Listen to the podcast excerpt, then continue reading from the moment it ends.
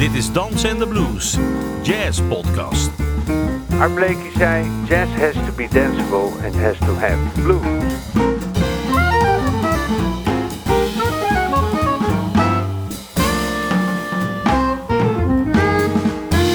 Je luistert naar een aflevering van Dansen en de Blues.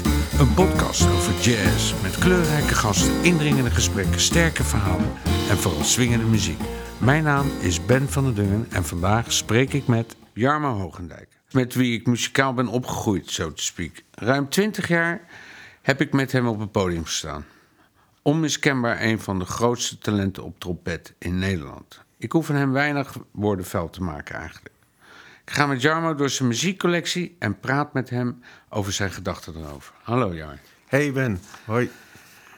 Ja, ik eh, ken je als een grote drumliefhebber. Daar wilde ik eigenlijk mee beginnen. En eh, ik heb hier eh, ik, een eh, plaatje wat je hebt meegenomen van Tony Williams. Ja, ik denk laten we maar eens met de deur in huis vallen. Ik ben, ik ben een enorm, nou ja, je kent me natuurlijk. Ik, ik, ik hou van provocatieve drummers. En wat bedoel je daarmee? Daar- wat ik daarmee bedoel is, die, die, zitten, die zitten daar niet jou te begeleiden, maar die nemen gewoon zelf het heft in handen. Ah, ja. En dan moet je maar zorgen dat je het bij kunt benen. Ik overdrijf natuurlijk een beetje, maar as a matter of speaking, iemand die gewoon, eh, ja, zeg maar, de sfeer kan bepalen. En dat was ook een van de redenen waarom Miles zo dol op hem was, want die, die bepaalde gewoon, eh, zeg maar, het energielevel in de band en waar het naartoe ging. En Miles die zei ook in zijn biografie van, in order to be able to play with Tony, I had to be real alert, or I, or he would lose me in one second. En ik hou van dat soort drummers. En wat ik ook zo bijzonder vind aan Tony is dat in de eerste plaats op zijn zeventiende is die ge- eh, vernieuwt hij het hele jazzdrummen. Een jaar vijf, zes later is hij bij Miles weg. Is hij al een levende legende voor zijn 25ste. En vindt hij zichzelf nog eens een keer helemaal opnieuw uit. Met een totaal andere sound, ander drumstel, dikke drumstokken, dikke cymbals. Een enorme batterij aan toms die allemaal op verschillende toonhoogtes ge- gestemd zijn. En Floor Toms natuurlijk. En eh, ja. En eh, ja, dan krijg je dus door wat ik, wat ik nu zou willen draaien. En, en wat is het verschil met, met, eh, met, met, met zijn eerste periode bij Miles dan? Hoe speelt hij daar dan? Ik Nou- vraag een beetje naar de bekende weg, maar ik Oké. vraag het toch. Nee, kijk, bij Miles speelde die op een heel klein, eenvoudig, wat ik noem een potten- en pannen setje. Een beetje oneerbiedig. Met, met dunne stokken en dan ben je heel snel en heel wendbaar. En als je met heel grof geschut speelt, ja, dan komt daar een enorm geluid uit. Ik denk net als met een, een zwaar riet op een, eh, op een Ja, ja. saxofoon, maar je bent iets minder wendbaar. Maar wel zeer aanwezig. Bij Miles was die wat, eh, wat wendbaarder. En eh, in, zeg maar in de, de Fusion-periode met Lifetime, dat is de band waar we naar gaan luisteren. Ja, dat was echt gewoon eh, van dik hout zaag men planken. Maar ook wel eh, flink aanwezig tijdens de, de andere solisten. Ja, en, en, en toch ook wel heel anders dan andere jazzrockdrummers, zoals Billy Koppen. Ja, ook, ook daar weer zijn eigen sound vinden. Ook weer herkenbaar, terwijl het binnen tien jaar al, een hele andere Tony Williams is geworden. Maar je, je, herkent hem uit duizenden. Die, die sound van die bassdrum. Een enorme, een enorme zwaar drumstel. Laten we even een stukje luisteren van het stuk. eh, wat wil je laten horen? Protocosmos van de, van de plaat Believe It.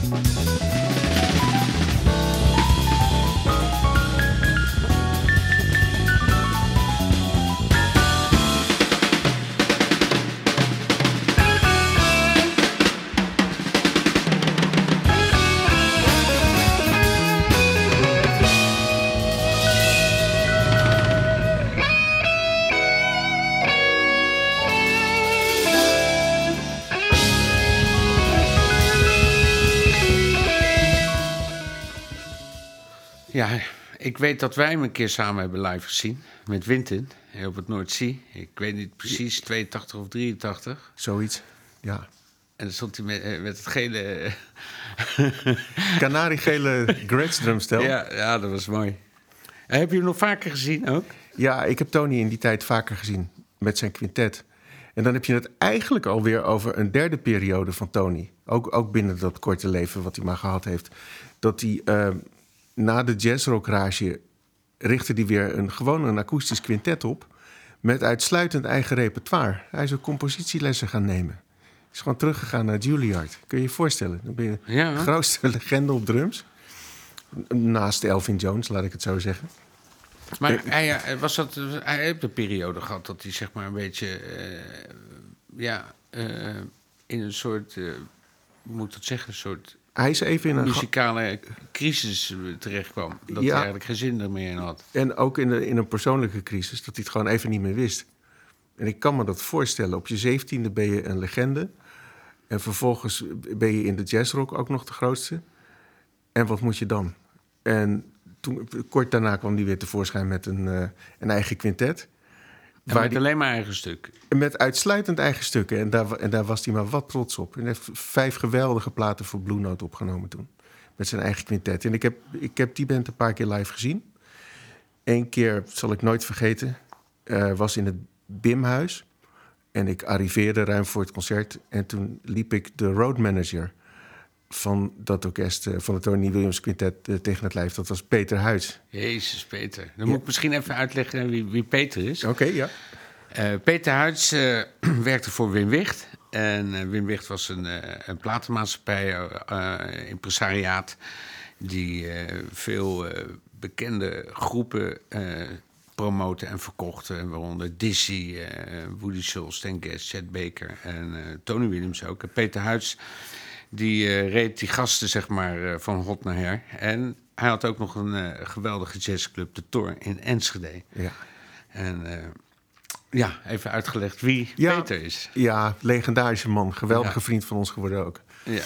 En nou, ik, ik kom dus aan in dat Bimhuis bij Tony. En, en Peter zegt, hey Jar, als ik je even één tip mag geven... ga niet te dicht in de buurt van dat drumstel zitten. Dus ga nou niet op die eerste rij, want dat hou je niet uit. Ik zeg, nou bedankt voor de tip, want dat is dus precies waar ik ga zitten. Dat wil ik wel eens meemaken. Dus ik ben ergens vlak voor dat drumstel gaan zitten. Maar Peter had gelijk, want het, binnen één stuk was ik, ik werd misselijk. Ik kreeg buikpijn. Het was gewoon zo verdovend hard. en ik zag Wallace Ronnie, de trompetist, binnen één, twee stukken finaal door zijn bek heen gaan. Het was gewoon ondoenlijk. Dus ik ben inderdaad uh, naar achteren gevlogen. En daar heb ik een geweldig... Uh, concert kunnen gadeslaan. Het, ik kon het me niet voorstellen dat iemand zo hard kon spelen. Ik weet niet of jij daar ook bij was, maar uh, op het Noordzee heb ik ze toegezien met Freddie Hubbard en Joe Henderson. Uh, dat was ja. eigenlijk een soort VSOP, maar dan, uh, maar dan zonder Herbie Hancock. En, en zonder Wayne Shorter. Ja. Joe Henderson in ja. Dat heette het Freddie Hubbard Superstar Quintet. Over eigen stukken gesproken. Zo. En, hey, en toen begon, begonnen ze met dat stuk. Dat circuleert wel op YouTube. Beginnen ze met, ik geloof, als ik het niet vergis, Clear Ways van, uh, van Tony Williams. En je ziet dus Freddie Hubbard en Joe Henderson... Met allebei met zo'n lessenaartje op het podium van de Prins Willem-Alexanderzaal. Dat was een prestigieus podium. Televisiekamer erop, camera erop. En zij lezen dus dat stuk waarschijnlijk voor het eerst... En dan die akkoorden die er voorbij komen. Het, is, het is werkelijk hoe, hoe die zich er doorheen slaan. Ik bedoel, het, is, het is obvious hoor, dat ze zich niet helemaal thuis in dat stuk voelen. Maar hoe ze zich daar doorheen slaan, ja, dat vind ik toch wel een voorbeeld van, van genialiteit ook. Hey, ik, kan, uh, ik kan me nog heel goed herinneren dat we op een gegeven moment uh, ja, een dame op drums hebben uitgenodigd. Uh, Cindy. Cindy Blackman. Cindy Blackman, ja. Want ja, er zijn niet zoveel mensen die helemaal in die Tony Williams kick spelen. Dat is toch een soort, soort iets wat blijkbaar. Ja. ja. Ik weet niet waarom, waarom dat zo is, maar zij, zij is een uh, van die dat heel goed doet. De, bijzonder goed. Er zijn in Nederland? Er zijn. Uh, oh, ja. Bram Weiland kan het. Bram Weiland heeft Tony Williams heel goed begrepen ook. ja. En Cindy. En Cindy, hè? En ik vind, ik vind het er zijn soms van die genieën die eigenlijk geen directe navolgers, opvolgers... is natuurlijk niet helemaal het correct woord... En, en Tony dus eigenlijk ook niet. Maar Cindy, die, ja, die, die kon er wel wat van. En, die, ja. Zo. en ik, ik hoorde toen een plaatje, dat heb ik ook meegebracht voor vandaag. Het, het stuk heet Obsession. En dat speelde ze samen met het quintet van Wallace Roney... waar ze in die tijd een verhouding mee had. Hoe heet dit tenor nou? Ja, Gary Thomas. Jezus, hè? En dat gaat, dat, dat gaat flink los. Je had zijn verhouding, ja, dat weet ik nog. Ja, ze heeft het, eh, in die tijd had ze een verhouding met Wallace Rooney. Eh, eh, voordat hij trouwde met, met Jerry Allen.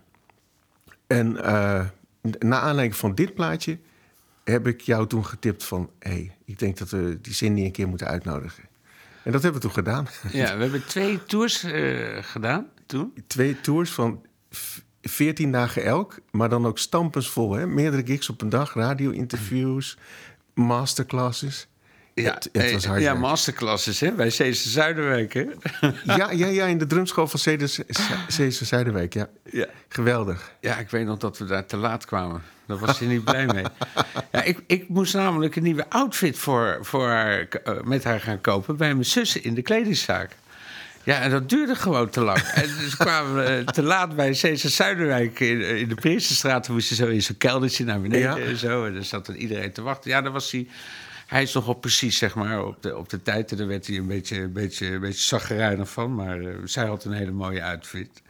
Zag er altijd onwijs goed, goed uit. Ja, absoluut. Ja, Een grote bos haar. Dat was wel ja de, de- een hele, hele leuke dame ook. Hey, maar, en we hebben ook een keertje gespeeld op dat festival van Ron Goedvolk. Weet je dat nog? Maar natuurlijk weet ik dat. Dat, eh, dat was de derde keer dat ze naar Nederland is overgevlogen. Om met ons te spelen. En dat was dan maar voor één concert.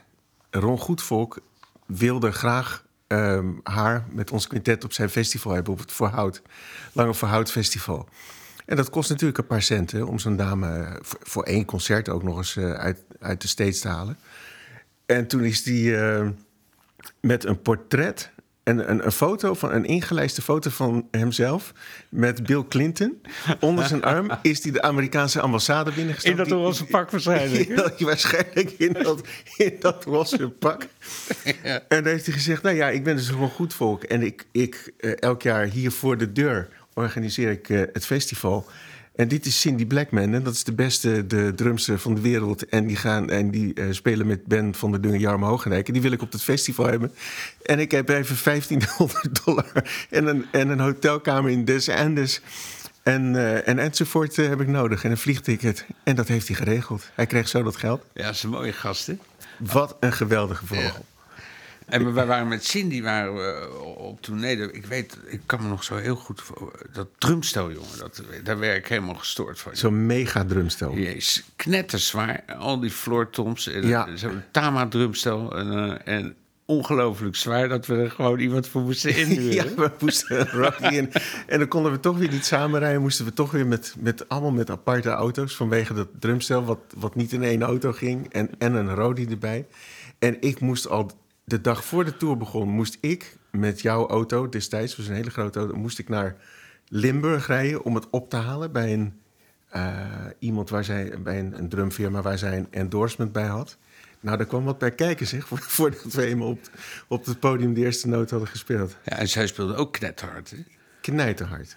Echt knijterhard. Nou ja, daarom leek het me ook leuk om met haar te spelen. In het paard van Troje, weet je dat paard nog? van Troje, het- ik was dat was geloof ik het eerste, misschien zelfs wel het eerste concert. En dat, dat was echt, ja, dat, dat had ik nog niet, eh, niet vaak meegemaakt. En toen had ik, zo al voor de eerste pauze, had ik wat bloed eh, aan mijn bek. dat, het ging er zo flink aan toe. En toen zei ik tegen hem, hey, look what you've been doing to me. En, en eh, oh, oh.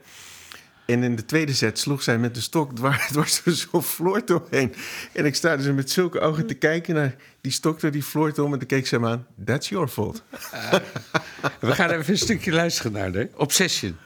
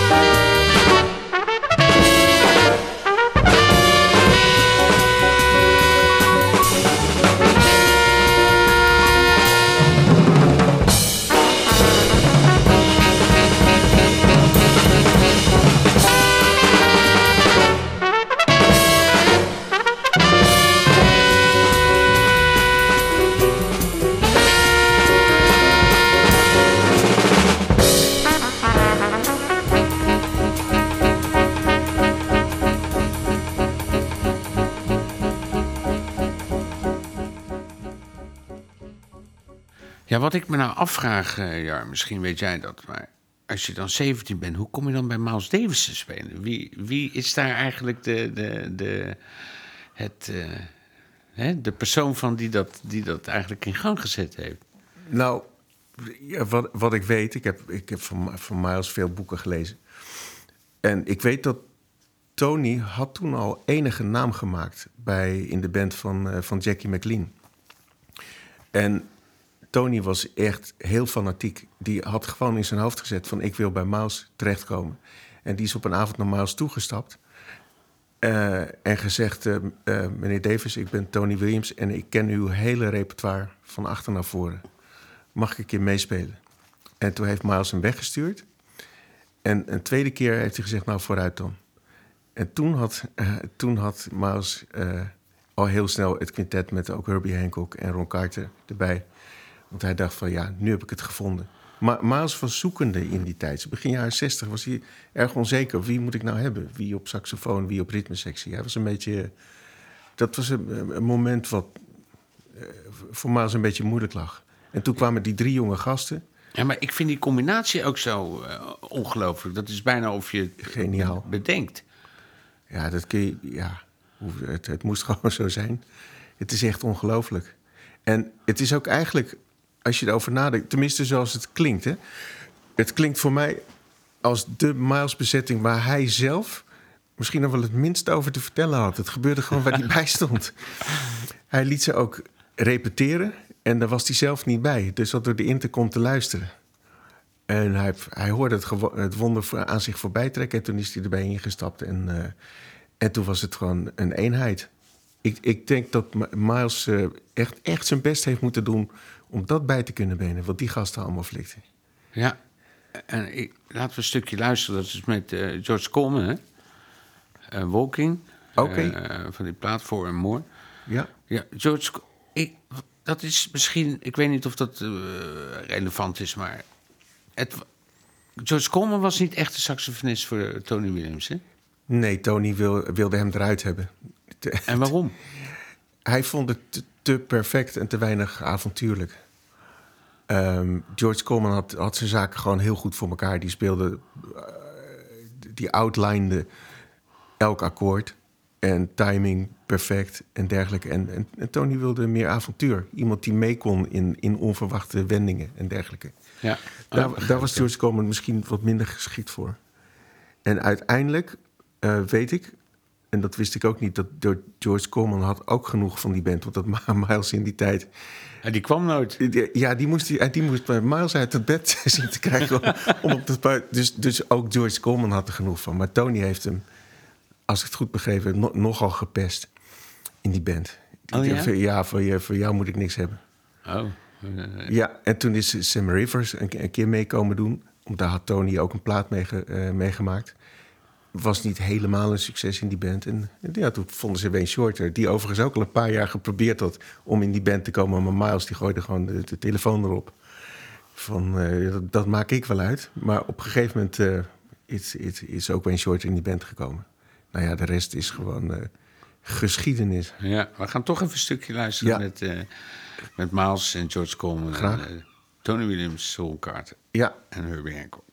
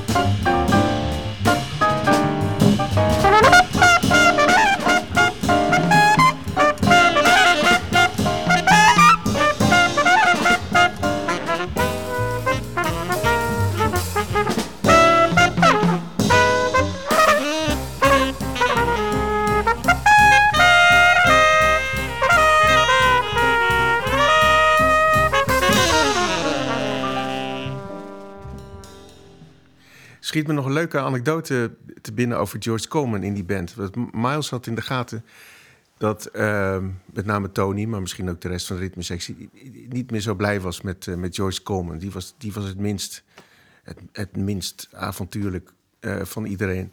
En toen heeft Miles een keer op een avond heeft hij een stuk afgeteld. Vreselijk snel, een heel snel het thema. En meteen na het thema is hij zelf van de bar gaan zitten. En toen heeft hij George Coleman dat op laten knappen. En die, heeft, die is toen zo kwaad geworden, die, die heeft die hele saxofoon afgebroken. Zo van, oh, je dacht dat ik niet hip kon zijn? Strike op de bed. Ja, ja, ja. Ja, ja. Hé, maar eh, eh, dat, eh, dat concert... eh, even terugkomend op dat concert op het Noordzee, weet je wel... dat ik eh, naar Joe Henderson za- zat te kijken... dat vind ik toch gewoon een eh, ongelooflijk... wat een held. Ja, wat een gave gast is dat. Omdat, ja, hij heeft natuurlijk een beetje een soort zacht geluid. Dat, dat vond ik toen heel moeilijk, dat hij daar zo... Hij, hij heeft gewoon helemaal scheid en maling aan die microfoon... en staat er maar een beetje naast te spelen. En dan hoor je af en toe eens een paar flarden. Maar ik heb het later, heb ik het eh, op de tv teruggezien. Ja, dat was geweldig. Joe Henderson. En jij wilde ook een stuk van laten horen. Nou, van Joe Henderson wil ik zeker iets laten horen. Hij is, hij is één van mijn grote helden. Als het gaat over de tenorsaxofoon. Maar sowieso. Ik vind zijn gevoel om met ritme te spelen... vind ik gewoon zo geweldig. Ritmische ideeën. Ik bedoel, harmonisch is het sowieso voor elkaar. Dat, dat donkerbruine geluid. Ik, ik, en, de, en de avontuurlijkheid.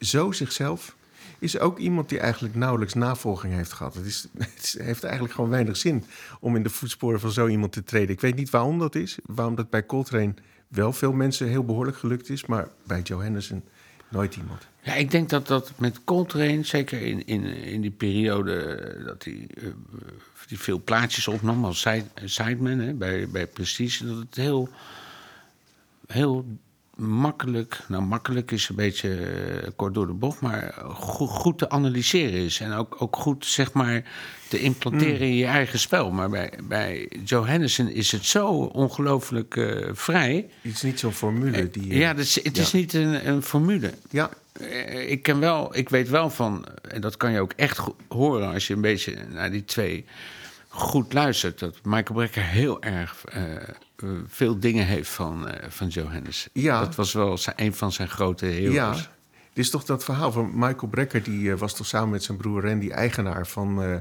van een jazzclub. Oh, dat weet ik niet. Ja, Seventh Avenue South of zo heette die jazzclub. Ik weet, weet niet. En toen hadden ze eh, Joe Henderson daar een week neergezet. En Michael Brecker heeft dat opgenomen. En die heeft al die licks ingestudeerd. en een tijdje later hoorde Joe Henderson Michael Brecker spelen. En die is dus echt kwaad geworden. Oh, jezus. jeetje, je speelt, je speelt al mijn materiaal naar. Eh, maar als je, als je goed, eh, Ik weet nog dat wij een keer een hele luisteravond hadden, weet je wel. Dat eh naar Joe Henderson zaten te luisteren... dat we er maar niet uitkwamen van wie die nou afkwam, hè? Ja, dat Weet ik, dat nog? dat weet ik nog heel goed. Ze hebben een hele nacht platen zitten draaien en over, ja, nee, het komt toch van Coltrane. Nee, nee, dat is het niet. En, is het de- en wat is het wel? En toen kwamen we op Sonny Rollins trio. eh, zonder piano. En ineens hadden we het van potverdriet. Dit is dus gewoon waar Joe Henderson rechtstreeks eh, vanaf stamt. Het is een soort extensie van Rollins, hè? Absoluut. Ja. Wel op zijn eigen manier. Maar het is een extensie van Rollins. Ja, eh, en, en hij heeft natuurlijk echt met de meest waanzinnige trompetisten. Het was een soort favoriete sideman eigenlijk. Hè? Ja, het, zo- het was net als dat Hank Mobley mengde met elke trompetist. En eh, Joe Henderson was, was absoluut de favoriete saxofonist van Kenny Dorham, van Woody Shaw, van Freddie Hubbard. En eh ken je trouwens dat verhaal, dat, eh, heet die plaat, Una Mas van Kenny Dorham, 1963. Ook met, Nee. met een jonge Tony. Dat, dat is de eerste opname, of de eerste belangrijke opname... eh, die we hebben kunnen horen van, eh, van Joe Henderson als sideman bij, eh, bij Kenny Dorham. En dat, dat is, toen heeft hij Kenny Dorham ook weer gevraagd op zijn debuutplaten van, van een jaar later. En Kenny Dorham schrijft dus in de liner notes van eh Una Mas... van This is the most exciting saxophone player since Charlie Parker. Ja, laten we een, Dus stukje, ja. naar, een stukje van hem luisteren. Ja. Je had meegenomen blues, hè? Eh, blues, eh, Tetragon, zo heet de plaat. En zo heet het, eh, de blues ook. Is met Louis Hayes, Ron Carter en Kenny Barron. En ik vind het goddelijk wat daar gebeurt. Ja, maar waarom, waarom kies je nou dat stukje uit? Het thema is goed, ontzettend hip. De ritmesectie is ontzettend goed. En dan blijkt het uiteindelijk gewo- maar gewoon een blues te zijn... die die zo ongelooflijk basic vanaf nul, vanaf de grond opbouwt... met een paar simpele statements. En dat verwacht je niet van iemand die zo virtuoos is. Maar Joe Henderson was een, een, een bluesspeler bij uitstek. Eigenlijk heel veel grote gasten waren dat uiteindelijk. Ja. Maar hoe, hoe hij hier zo'n blues opbouwt, ik vind het goddelijk. Tetragon.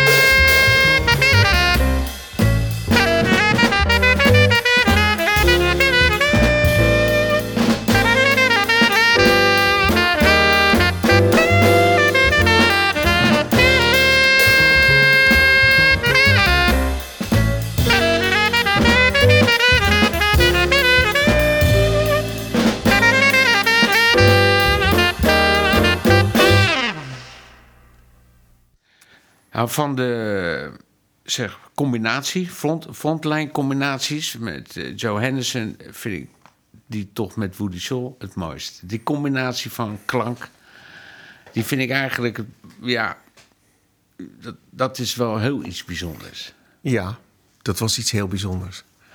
Dat was ook ehm, bij Horace Silver. 19, ik denk 65, 66. Cape Verdean Blues. Cape? Verdean Blues en, en, en, en dus nog één plaat. En ehm, ja, die frontline was geweldig. Ik heb ook live opnames gema- eh, heb, ik de- heb ik daarvan gehoord. Waar ze de plaat Cape Verdean Blues dus eh, in een café spelen ter promotie in een radio-uitzending. En dat is dus even in de overtreffende trap wat je op de studio-opname hoort. Die, die gasten waren knetterheavy. Ja. Maar ze waren ook onhandelbaar. En eh, Horace Silver heeft ze tot zijn grote spijt eh, eruit moeten zetten. Onhandelbaar, ja. Waarschijnlijk vanwege de, de, alle Ja, pret... eh, ja alle, alle pretartikelen. ik, weet- ik, ik, daar weet ik de details niet van. Nee. Maar en het kan ook zijn dat het voor Horace Silver gewoon net even één stap te ver was wat hipheid betreft. Ja, hip is natuurlijk een heel breed eh, begrip, maar. Ja, en dan die superplaat Unity met eh, Larry Young hè? En Elvin Jones. en Elvis Jones. En ja, dat is eigenlijk wel de doorbraakplaat van Woody Shaw geweest. Die was toen twintig. En hij schreef minimaal de helft van het repertoire. Vreselijk lastige stukken. Jezus man, ik, weet je nog dat we die plaat na gingen eh, spelen in de, in de Paradox? Ja, we hebben zo'n project gehad, hè? Ja. Met, eh met orgeldrums. En eh, oeh, Beyond All Limits, ja Moon Train. stuk is toch onspeelbaar? Het is absoluut onspeelbaar. we hebben het wel En het allerergste is dat het op YouTube staat. Net dat stuk waar je bloed, zweet en tranen... Ja. ja. ja. ja, een geweldige plaat is dat. Hey, maar die Woody Shaw, dat is toch een soort... Ja, als ik er, als ik er naar luister ook, hoe die dat... Het is zo elegant altijd, vind ik. Ja, het is ruig en elegant tegelijk. Ja. Zo, zo, zo ervaar ik het. Het is diep geworteld in, in de blues. Met al zijn stilistische kenmerken, dat vibrato, dat, die bijtende aanzet. En ehm, het, het, het kleuren met sound. En tegelijkertijd zo heerlijk over een ritmesectie heen fietsen. Ja. Dat is. eh, je weet misschien nog dat Frans Elsen eh, heeft toen een paar concerten met Ferdinand Povel, Woody Shaw gedaan, met eh Koos Riers en John Engels. En het, het meest verbijsterende daaraan, daaraan vond hij niet de notenkeus van die man, die natuurlijk heel opmerkelijk is. Maar hij zegt de lichtheid waarmee die man over een ritmesectie heen danst. Licht als een hinde. Dat is de uitspraak van Frans, daar hebben we het nog wel eens over. En eh, dat, dat kun je heel goed horen in dat, dat stuk wat ik meegebracht heb van Woody Shaw, die organ grinder. Zo'n quicksilver lichte articulatie die een, een, een ritmesectie nergens toe dwingt. Ehm, de, de, ja, de elegantie ten top, ja. wat dat betreft. We gaan even luisteren naar Organ Grinder.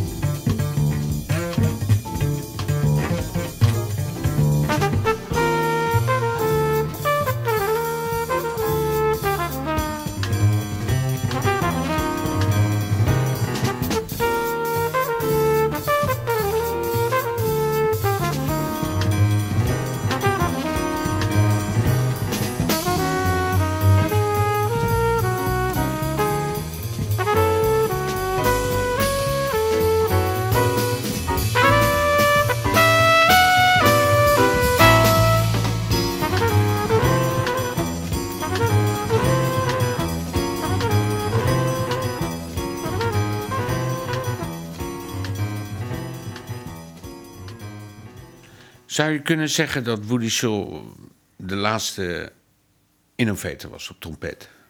Dat hoor je wel eens. Ja, je, je hoort vaak The Last Great Innovator. Daar zijn veel mensen het, het niet mee eens. Ehm, maar ik, ik, begrijp, ik begrijp het eigenlijk wel. De, een, eh, in de eerste plaats omdat een innovator van die statuur... ja, daar moet er nog maar een centje van eh, tevoorschijn komen. En de andere kant van de zaak is... er zijn natuurlijk innovators na hem geweest. Uiteraard, uiteraard zijn er mensen geweest met, eh, die met nieuwe dingen zijn gekomen na hem. Maar iemand die met één been zo diep in de blues-traditie, in de Louis Armstrong legacy staat, eh, in de legacy van de Jazz Messengers trumpet players, want dat is natuurlijk een hele lijn van, eh, die, die een hele lange tijd kan, kunt doortrekken. In die lijn gezien is het, denk ik dat het klopt dat hij de last major innovator was. Of misschien zelfs inderdaad- de last innovator. We gaan terug naar het moment dat jij Woody Shaw voor het eerst hoorde, live, hè, in de Doelen. We luisteren nu naar Woody Shaw met Joe Farrell, Ronnie Bryce, Vim en Vicker live at de Doelen. In 1985.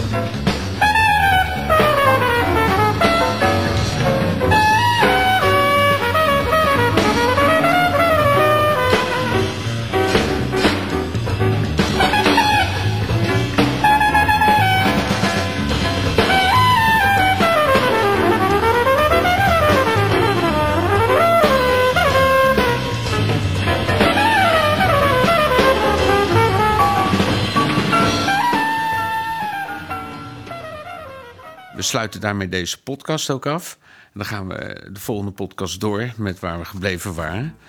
Gezellig. Dit was Dansen en de Blues. Een podcast over jazz door Ben van der Dungen, Thijs Nissen en Tom Ridderbeeks. Abonneer je snel en laat een goede waardering achter. Wil je meer weten? Kijk dan op dansenendeblues.nl en volg ons op Instagram en Facebook. Dankjewel voor het luisteren en tot de volgende keer.